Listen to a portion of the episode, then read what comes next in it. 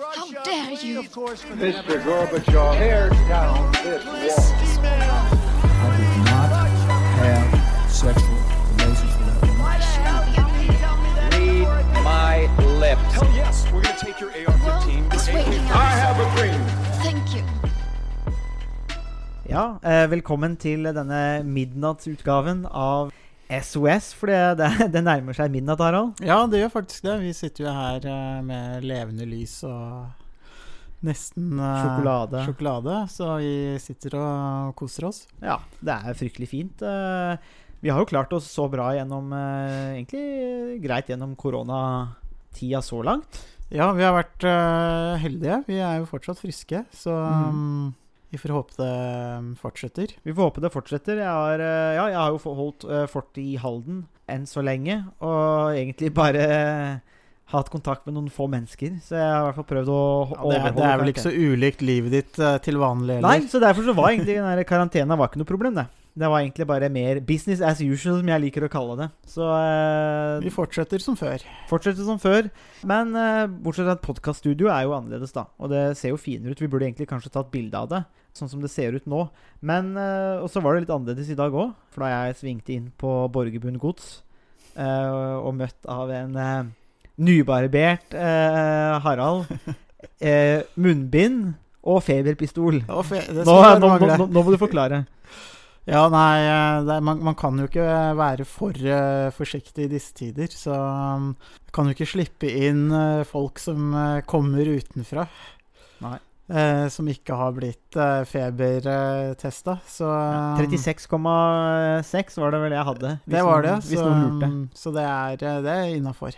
Hvis Den første var jo på 33, 33 grader. Da satt du deg i karantene på badet. Og måtte varmes opp litt. Da måtte vi tine deg litt. Men, da, men det, det ordna seg, som det, som det heter her i Østfold. Det, det gjør det alltid. Og det gjør det stort sett. Nei, så det her blir jo en eh, midnattpodkast, for vi spiller jo faktisk inn nå som det nærmer seg midnatt. Eh, og det er jo litt mer sånn ambians nå i studio. Men vi har jo snakka en del om eh, selvsagt hvordan koronaviruset, pandemi, påvirker samfunnet vårt. Eh, forrige podkast handla jo, eller for to podkaster siden, episoder siden, så handla det om kollektive problemer, om det krever kollektive løsninger. Vi har snakka litt om hvordan eh, det har påvirka selvforsyningsdebatten, for den har jo plutselig eh, kommet eh, fullt opp igjen.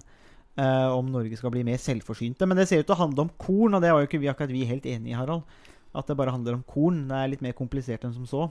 Ja, vi, vi sa jo litt om hvor komplekst eh, landbruket som næring egentlig er, eh, og hvor avhengig man er av både kunnskap, eh, maskiner og arbeidskraft utenfra. Mm. og de siste dagene og den siste uka så har det også vært en stor debatt om spesielt innenfor for landbruket, men også mm, i andre sammenhenger, om hvor, hvordan man skal dekke arbeidskraftbehovet.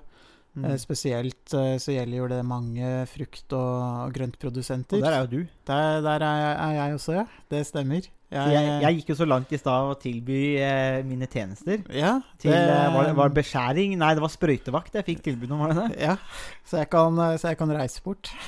ja. Så kan du sitte her hjemme en helg og, Og passe på. og passe på. Ja, nei, men vi må jo alle yte en skjerv. Og i solidaritet med bøndene så eh, kan det hende at jeg skal dedikere litt eh, av min tid. Ja, det, det setter jeg jo selvfølgelig umåtelig stor eh, pris på. Mer enn du aner. Endelig! Det er kollegalitet. kollegialitet. Men det- med landbruket, kollektive løsninger osv., det er jo én del av samfunnet. Men det er klart at det bildet som tegner seg nå, med denne krisen her, og det jeg tror mange, altså, det begynner vel å, å synke inn nå for de aller fleste at det her ikke er noe sånn eh, par ukers eh, unntakstilstand. Det er jo sånn med folk som har lyst til å reise på hytta i påska og drive og herje på, så er det litt sånn Har man egentlig forstått hva situasjonen er? Fordi at eh, nå, begynner, nå begynner vi å få et større bilde av egentlig hvor dramatisk den situasjonen er. Og landbruket, det spørsmålet er nå én ting, men økonomiske konsekvensene av eh, pandemien begynner vi nå å se omfanget av. Og da er det kanskje verdt å snakke litt om det her. For det, du har jo sett litt mer på konkrete ting når det kommer til den økonomiske situasjonen. Og vi, vi kommer jo ut av koronasituasjonen én gang. Altså, det er jo ingen tvil om vi kommer ut av det her. Spørsmålet er bare i hvordan ser verden ut da, og hva må vi gjøre? Så Harald, hva er det du har, eh, det du har sett på nå i anledning det, her, det økonomiske siden ved korona, eh, eller pandemien, da? Ja, vi kan jo se litt på uh, hvordan eh, koronapandemien har påvirket eh, økonomien og aksjemarkedene så langt. Eh, og det som er interessant, er hvis vi sammenligner den situasjonen vi står ovenfor nå, med tidligere økonomiske kriser. Så hvis vi ser på finanskrisen i 2008, og også det som på engelsk blir kalt uh, The Great Depression, altså 30-tallet, eh, så i løpet av de to eh, periodene med økonomisk tilbakegang, så sank aksjemarkedet eh, med rundt eh, 50% eller mer. Eh, Og det førte til mange eh, konkurser, høy arbeidsledighet og et kraftig fall i bruttonasjonalprodukt. Mm. Og det som er interessant, er at for de to eh, krisene, altså kris, finanskrisen i 2008 og den store depresjonen på 30-tallet, så tok det eh, tre år eh, for aksjemarkedet å falle eh, så mye som 50% eller mer. Og ehm, det som er interessant når vi sammenligner med den krisen vi står overfor nå, er at omtrent en, mye av den samme kollapsen i aksjemarkedet ser vi nå i løpet av bare noen få uker. Mm. Så det som under tidligere økonomiske kriser kanskje har tatt eh, eh, måneder og år, det skjer nå i løpet av noen få uker. Og det sier litt Ja. om dramatikken, eh, og hvor eh, alvorlig og hvor drastisk den eh, økonomiske situasjonen faktisk er. Både for eh, Norge og for verden. Men har du, har det noe å si at økonomien i dag er mye større og basert på aksjer og altså den type form for økonomi? Altså, jeg, men det jeg Men, det, det, men gjør det kanskje at uh, implikasjonene eller konsekvensene bare blir større Uh, ja, enn det, det, vi hadde på 30-tallet? det, det kan det være, fordi Det kan være både òg. Altså, på den ene siden så kan man si at det er mindre å bety, fordi, betyr mindre fordi vi har en relativt stor og sterk stat. Uh, så, og de aller fleste vestlige land har jo en godt utbygd velferdsstat. Mm. Så det betyr at det vil være mulig å få støtte fra, fra staten. Og det er mulig for staten i større grad å hjelpe både bedrifter og eh, familier og enkeltpersoner. Eh, På den andre siden så er vi også mer sårbar, fordi velferdsstaten er jo bygd på eh, økonomisk vekst, skatteinntekter, og hvis de uteblir, hvis bedriftene går konkurs, Mm. hvis eh, mange arbeidstakere mister jobben, så forsvinner jo også skatteinntektene. Og da er det jo eh, vanskeligere for eh, velferdsstaten å eh, tilby de ytelsene som man egentlig skal. Og da må jo staten eventuelt kanskje låne penger. Ja. Eventuelt bruke eh, reserver som man eventuelt har. Ja, er, det, er, det er vel der det Så sånn sett så er det Det er, et, det er ikke sikkert det er bedre, det er ikke sikkert det er noe verre eller nødvendigvis, men noe som er altså På, på 30-tallet for eksempel så hadde man jo en mye mindre stat, og folk var jo i større grad kanskje Ja. selvhjulpne, da, Ja. i, enn eh, det man er i, i dag, hvor man i enda større grad er avhengig av eh, inntekt eh, for, å, um, for å overleve. Ja, ja banker gikk jo over ende på 30-tallet. Det var jo fryktelig tungt i Norge, altså et av Europas fattigste land. Og, sånn var det jo også i, i, i deler av min familie òg, hvor, det, hvor måtte alt av eiendom måtte bare, å eie da, eh, forsvant eh, i den perioden, uten at, uten at man- hadde gjort noe for å miste det. Det var bare at det, det forsvant i banker, og så må man starte på nytt. Og det er klart at det var jo et traume som eh, eh, prega Eh, og for de nordmenn, mange av de som, sånn som har opplevd den tida fra 20- og 30-tallet, som fortsatt lever i dag, så er det jo en eh, ganske, eh, Fortsatt husker man jo det, men det sier også litt om klassereisen, eller den enorme velstandsreisa vi har vært gjennom eh, på siden 30-tallet, fra fattig til, til rik. Men eh, du hadde jo en har du noe mer eh, konkret der? For jeg Du viste jo en kurve i stad om eh, spanskesjuka, men er det noe mer du vil eh, Ja, vi, vi ta litt før vi kommer dit? vi kan se litt på, på fallet i bruttonasjonalprodukt som en del eh, banker Eller hva, hva slags nivå en del banker og finansinstitusjoner ser for seg at eh, bruttonasjonalprodukt vil falle med i eh, USA. Mm. Eh, og um, banker som Goldman Sachs, JP Morgan, eh, Morgan Stanley forventer at uh, bruttonasjonalprodukt i USA kan falle med så mye som 6% i det første kvartalet i år. Mm. Uh, og at um, det i neste kvartal, fram til, eh, til eh, slutten av juni, vil kunne falle med så mye som 24-30% Så det betyr jo at bruttonasjonalprodukt egentlig da blir redusert eh, med en, eh, en 20-30% i løpet av et halvt år.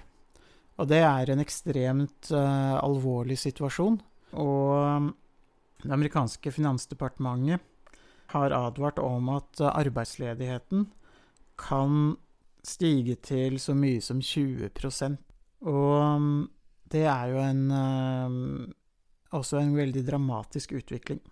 Ja, og når du tenker på at uh, når økonomien Jeg sitter og ser på noen tall også, hvor det måtte, bruttonasjonalprodukt har økt med 2% og man er fornøyd med det, så setter jo det tallene som du kom med nå, i perspektiv. Når det bare faller med mye, mye mer. Det gir en god indikasjon på måte, hvor alvorlig det er. da, Når det er 2% er liksom OK eller bra, 3% kjempebra, og så bare faller det med så mye, mye mer. Ja, det er jo egentlig han, som å um, At gulvet bare forsvinner, rett og slett. Og at man er i fritt fall. Og økonomien egentlig stopper opp. Og um, hvis vi holder oss til USA, så står jo offentlig sektor i USA for ca. en tredjedel av bruttonasjonalprodukt. Og helsevesenet i USA for ca. 17% av bruttonasjonalprodukt. Så det betyr jo at offentlig sektor da, og helsevesenet, og med den koronapandemien som vi står overfor nå, så vil det jo ikke skje noen innskjæringer når det gjelder helsevesenet. Mm. Så det betyr jo at privat sektor eh, vil jo da kunne stå for eh, ca. en fjerdedel av det de gjorde Eller ca. halvparten av det de gjorde tidligere. Mm. Eh, og det er jo et veldig dramatisk eh, skifte. Det er kanskje derfor eh, Trump eh, går ut og sier at nei, men vi må få landet til å dure og gå igjen ved påske. Eh, og det vil jo ikke skje. Eh, og ikke sånn som vi ser per nå, da. Når vi tar nå i slutten av mars og spiller inn den podkasten her, så har jo USA den sterkest voksende kurven. Det ser jo ikke bra ut på kurven, og de får jo mange flere tilfeller av koronavirus, og det kommer til å bli mange dødsfall. Så det er klart at Trumps håp om at de skal ha landet oppe og gå og rulle igjen til påske, det man, men, men, men man skjønner jo viktigheten av det når man ser produkt produktiviteten. Absolutt, og problemet her er jo at man kan jo um, forsøke å gjenåpne økonomien og satse på at, uh, vil, uh, at økonomien vil gå tilbake til det mer normale igjen i løpet av noen få uker. Men problemet er hvis pandemien fortsetter, så er det jo uh, ingen som vil gå på restauranter eller kino ja. eller som bruker penger og leve på den samme måten som det man har gjort tidligere. Mm. Så da vil man jo egentlig ikke nødvendigvis løse noen av de, de problemene som, mm. Som man egentlig står ovenfor. Så det her er Så uansett hva man gjør, så, um, så, så, så folk vil jo ikke bruke eller reise ut, bruke penger hvis de er redd for å bli, uh, bli smitta av uh, koronaviruset. Nei, og mye av USAs økonomi, og, jo, og det er jo mye, mange andre økonomier, men kanskje USA til særlig grad, er også basert på konsum. Uh, slik at det, det, treffer jo dobbelt hardt. Altså, man, man tenker på man, Alle næringer blir jo truffet hardt, men det er klart at nordmenn har, vi har jo ikke samme tradisjon for å gå ut og spise. Ikke så jevnlig som amerikanerne. og Det, er, ja, det er en veldig sårbar del. da. Absolutt, absolutt. Og det samme gjelder jo også turistnæringen. Det ja. vil jo antagelig ikke eh, være mange turister som reiser til eh, USA. og det, mm, Flytrafikken og turistnæringen er jo en av de næringene som har blitt eh, rammet hardest. Mm. Og USA er jo um, et svært viktig uh, turistland, både når det gjelder turister som reiser innad i USA, men også uh, utenlandske turister som uh, besøker USA. Ja, de legger jo igjen fryktelig mye penger i USA. neste på menyen, Harald, var det som sagt, vi hadde den interessante kurven Jeg tenker vi, vi, kan ta den nå. Du viste en kurve om spanskesjuka. Eh, vi kan jo gå tilbake til det, altså mellom 1918 og 1920. Eh, rundt eh, Når på statistikken, altså rundt et sted mellom 17 millioner og 50 millioner døde. Litt vanskelig å si sånn helt nøyaktig, men, men det går over et par år, og vi regner med opp i en 500 millioner som blir sjuke da, på, på verdensbasis.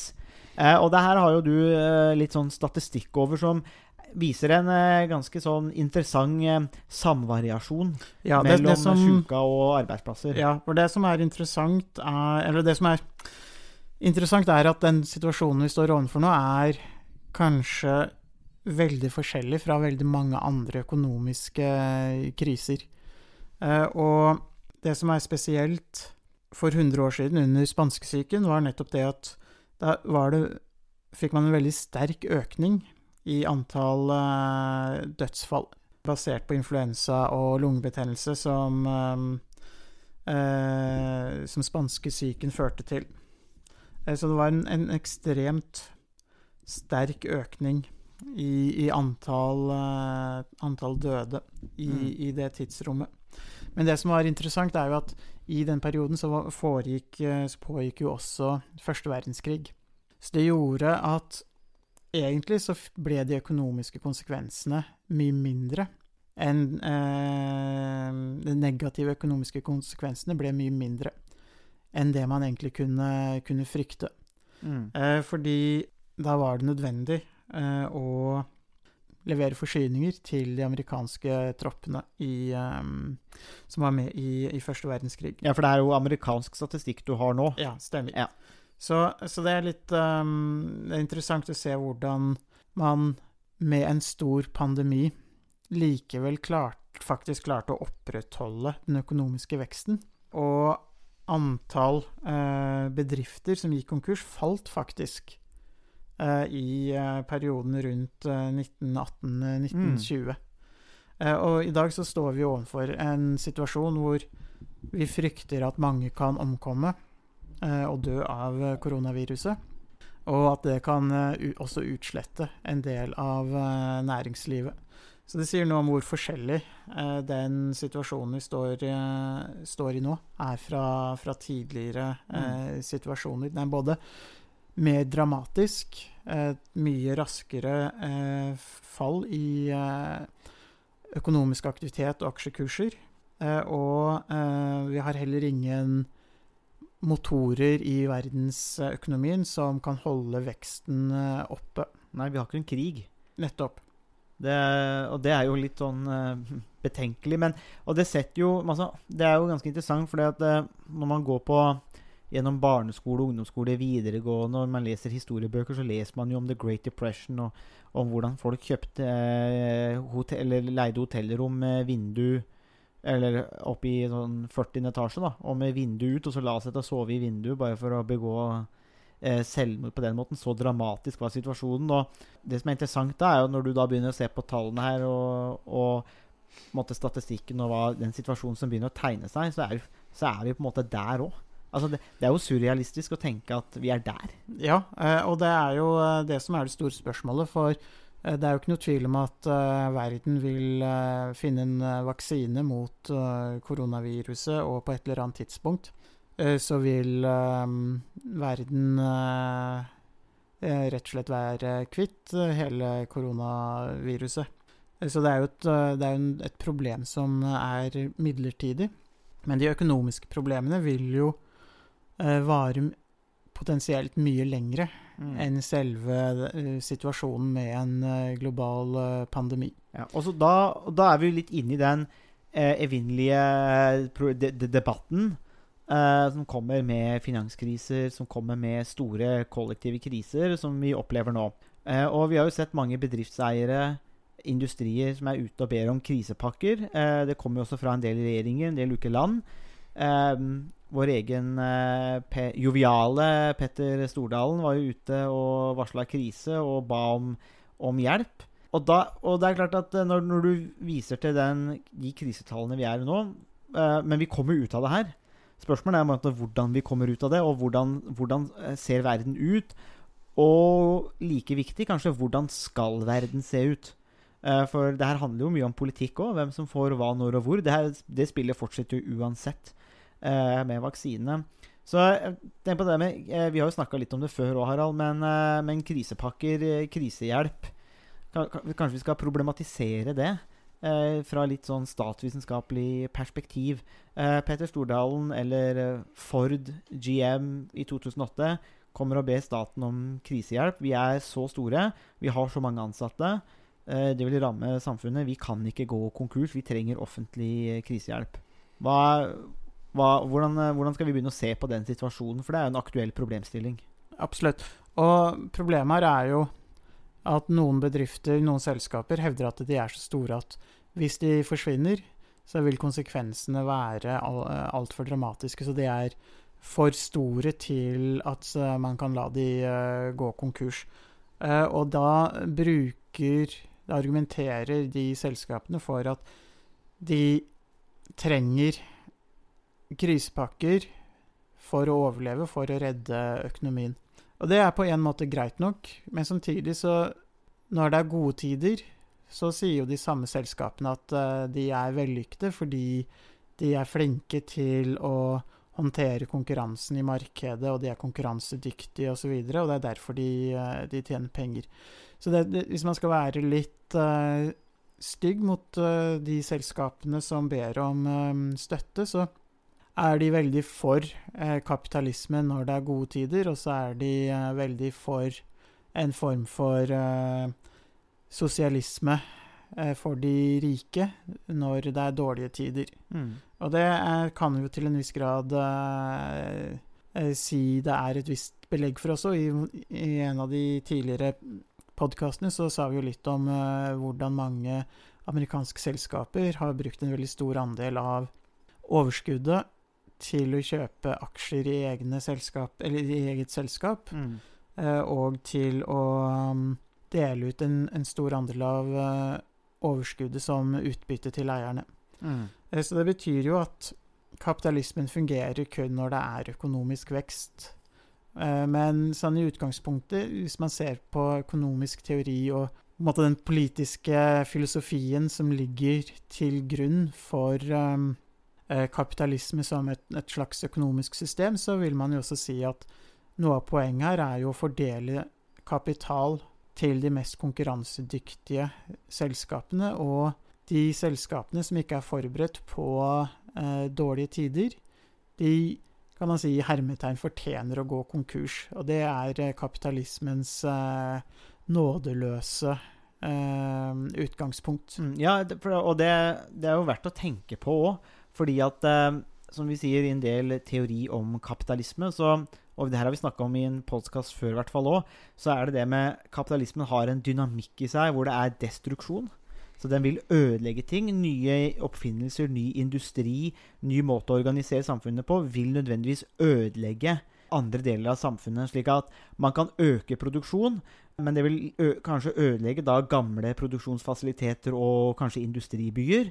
Men det vil også ha en sosial side, ved at det vil rive opp sosiale bånd og den sosiale strukturen. Og Eksempelet som jeg brukte sist, var jo fra forskere som hadde vært i Sovjetunionen, og så hvordan Sovjet satt med fabrikker med moderne, vestlig utstyr.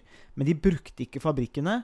De stilt, omstilte seg ikke fordi at de måtte holde liv i de byene som allerede eksisterte med gamle eh, fabrikker. Og resultatet var det at, eh, at kompetansen ble værende på gammelt utstyr. Arbeidskraften på gammelt utstyr. Og ikke over på det nye, der man kunne økt produksjon. Eh, fordi man var redd for den sosiale destruksjonen. Og det er jo også noe man kjenner inn i Norge òg. Hva som skjer med industribygder eh, rundt omkring i Norge. Hva som ikke skjer minst i fylket vi er i. Østfold, Sarpsborg, Halden, Fredrikstad, Moss til dels. De er jo ikke i nærheten av hva det var med tanke på industrien. Så det er jo en form for sosial destruksjon. Men i den dynamikken så ligger det også rekonstruksjon. Det at man konstruerer, man skaper noe nytt. Og det er klart at En bekymring som jeg i hvert fall har hvis man tenker ut fra det teoretiske, og det skal man jo også diskutere som statsviter, er nettopp det at hvis det offentlige står klar til å kjøpe fri, fungere som et sikkerhetsnett for store private selskaper, hva skjer da med insentivet om at de sterkeste skal klare seg på markedet? Vil ikke det da kanskje ødelegge det insentivet og gjøre at man eh, rett og slett vet at ok, man kan spekulere, drive eh, en form for eh, et profittjag uten å reinvestere i eh, cashbalanse eller bedre produksjonsutstyr, fordi at vi er så store at det sosiale destruksjonen blir så stor at da må staten komme inn og redde. Vil ikke det ødelegge for I hvert fall fra et teoretisk perspektiv, vil ikke det ødelegge liksom den, den kapitalist, kap, kapitalistiske dynamikken som vi på en måte langt på vei vil ha? Jo, absolutt. Og man kan jo være både for og imot eh, ha et kapitalistisk, sys- kapitalistisk system. Men hvis man først skal ha et kapitalistisk system, så er det jo logisk konsisten- konsistent uh, at de som går konkurs, de forsvinner. De blir Mm. ikke uh, subsidiert i, eh, i lang tid av skattebetalerne eller andre. Og det her er også, handler jo også litt om hvorfor skal vi som samfunn akseptere et kapitalistisk eh, system. Og man kan jo si at det finnes i hvert fall to, eh, to grunner til at vi som samfunn skal akseptere et kapitalistisk system. Og det ene, ene grunnen er jo eh, at det vil skape på sikt mer lønnsomme og bedre betalte arbeidsplasser.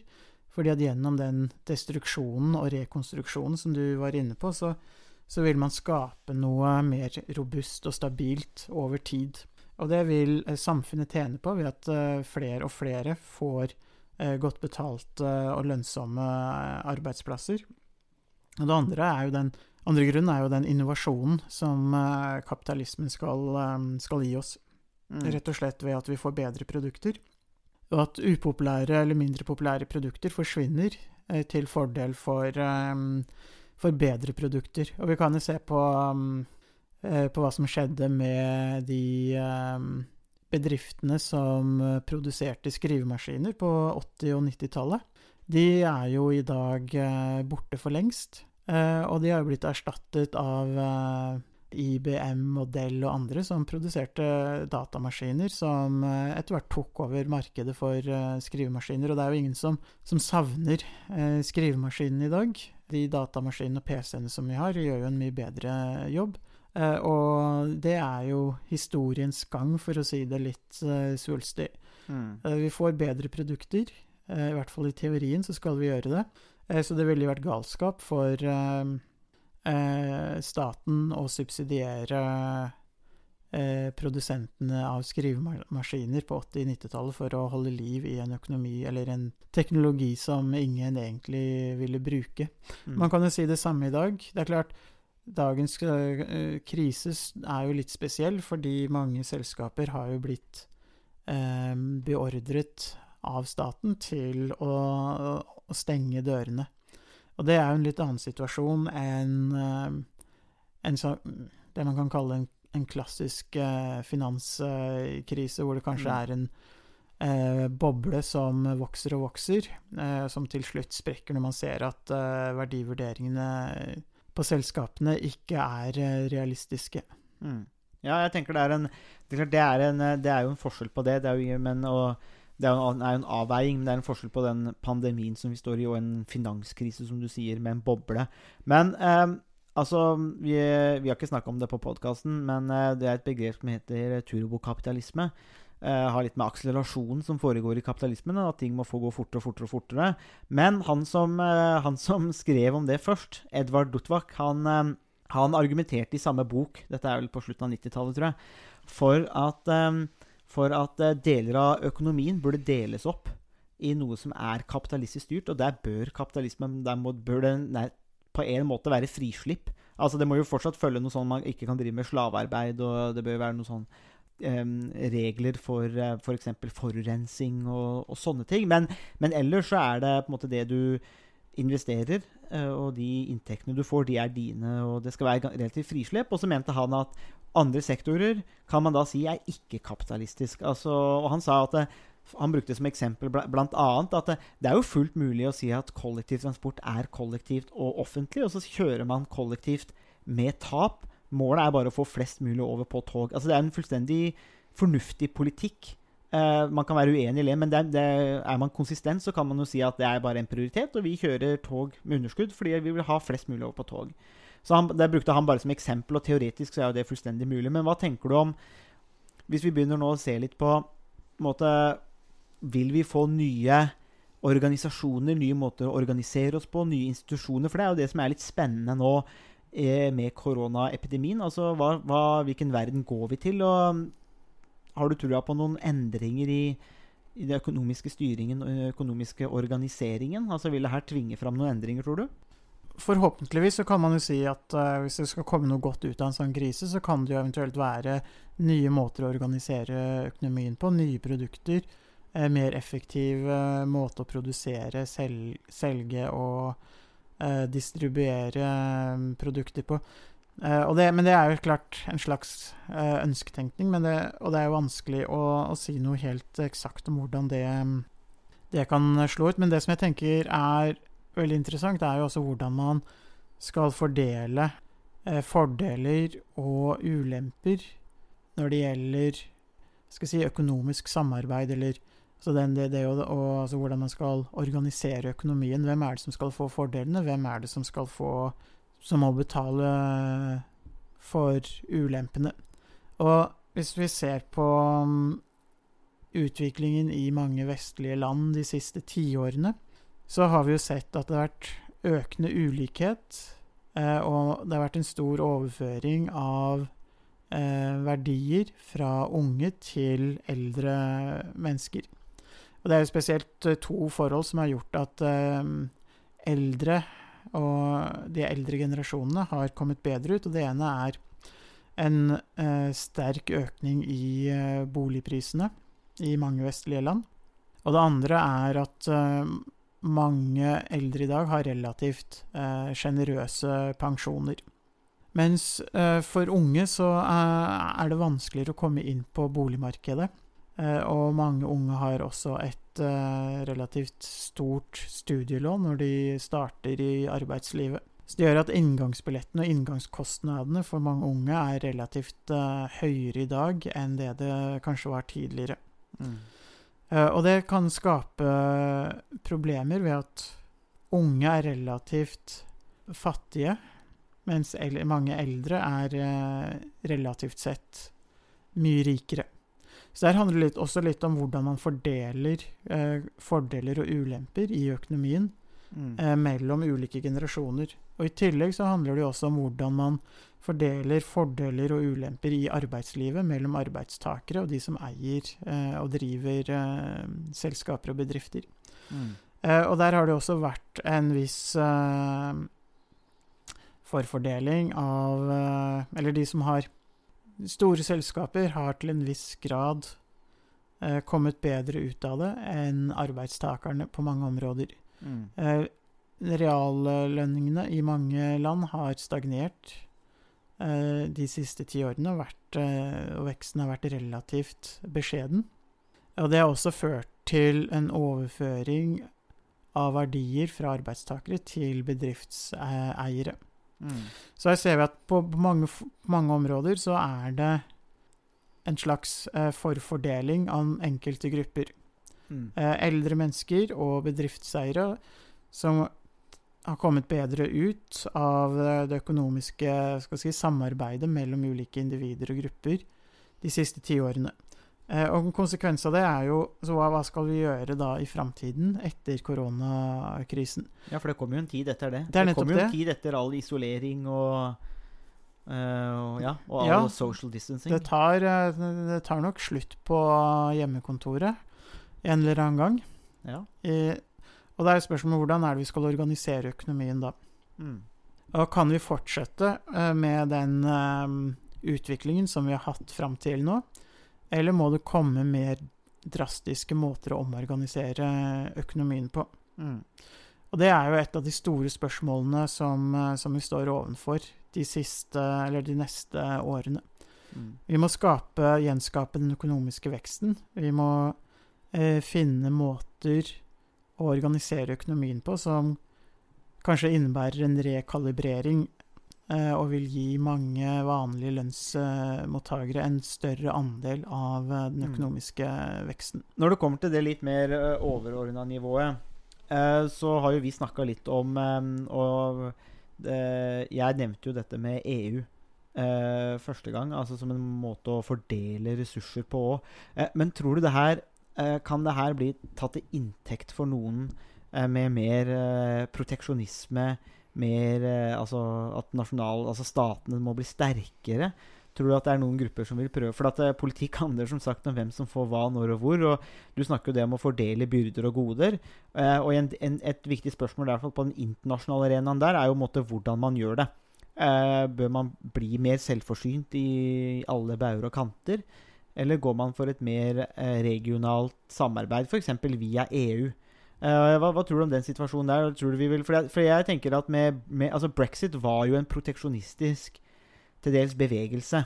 Basert på litt uh, ulikt tankegods, men på en måte så er det liksom at vi vil ikke ha noe med EU å gjøre. og den står man alene. Det har på en måte vært en trend. Så hva, hva tenker du, kan den bli forsterka nå, eller tror du at, uh, at uh, vi vil se mer en ja, la oss, la oss, kalle det europeisk solidaritet, da, men vi kan også kalle det for europeisk gjensidig nytte. Men, men det at man finner sammen på For når vi snakker om nye måter å organisere oss på, hva, hva, tror, tror er, hva, tror, du er mer sannsynlig, eller tror du det er et helt åpent spørsmål? Jeg tror det er veldig åpent.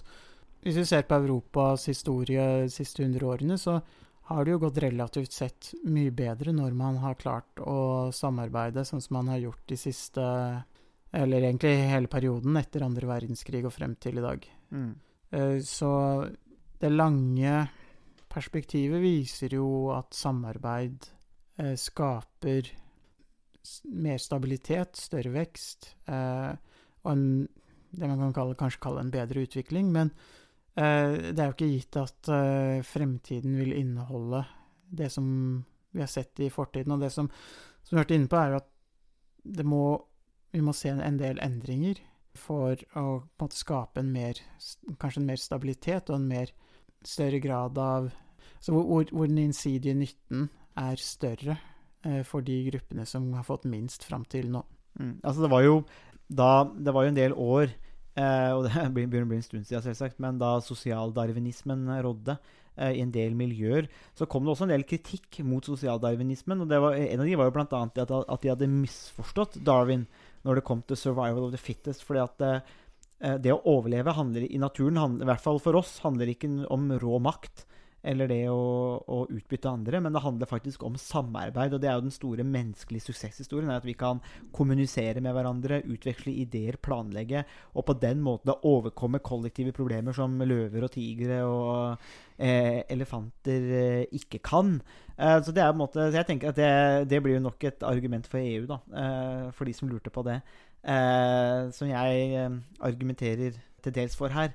Eh, men vi nærmer oss eh, slutten på en podkast. Det har jo gått 40 eh, minutter, Harald. Det har dunka godt. Ja, det merka du ikke? Det merker jeg ikke i det hele tatt, faktisk. Nei. Men på slutten, er, er, det noen refleksjoner du vil ta med rundt den situasjonen vi står i? Vi kommer til å snakke mer om det her. vi, vi kommer til å ta opp dette med, i mer detalj, dette med ulikhet, tenker jeg.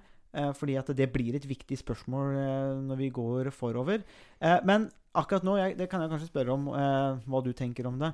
Men når vi, når vi, akkurat nå så føles det som vi på en måte er i en boble. Folk synger på balkonger og griner fordi de ikke får lov til å reise på hytta. Og vi får ikke komme inn på Nordby. Jeg vet du sliter med det, Harald. Eh, ikke sant? Eh, det er litt sånn Mer enn du aner. Det skjønner ikke hvordan jeg skal Det gikk utover manken din her nå i uka. Det, det gjorde det også. Og jeg, jeg, skjønner ikke hvordan jeg skal eh, komme meg gjennom en påske uten å reise til Strømstad på skjærtorsdag. Ja, det, det, er jo for bilen står jo i, i loven. Bilen står, står, og går på tomgang, og da er jeg klar. Ja, det er jo veldig fint når du får subsidier til, som du kan fyre på bilen med. Men uansett, altså, føler jeg at vi lever i en boble nå. Ja, men når tror du det kommer til å liksom virkelig slå inn Altså, Vi har, snakker jo nå om konturene. Vi vet jo ikke helt, men du, du, vi, begynner, vi, begynner, å se konturene. Dette er jo eh, eh, folk som De spår jo på en måte ut fra tall hva fallet i bruttonasjonalprodukt vi, har, vi har ikke sett det konkret, men det er det vi, det er det vi antyder. Men når tror, kommer, når, når tror du vi kommer til å våkne opp og bare Shit, det her er the great depression. Dette er depresjonstid. Eh, for eh, folk flest så kommer nok det her til å gå opp når de ser hvor mange som eh, kan miste jobben og bli arbeidsledige, og når de går i, i byen og ser hvor mange tomme butikklokaler det er rundt omkring. Så det, det, kan komme som et stort sjokk for, for mange folk, men sånn som situasjonen er nå, så er det mange som eh, holder seg eh, stort sett eh, hjemme.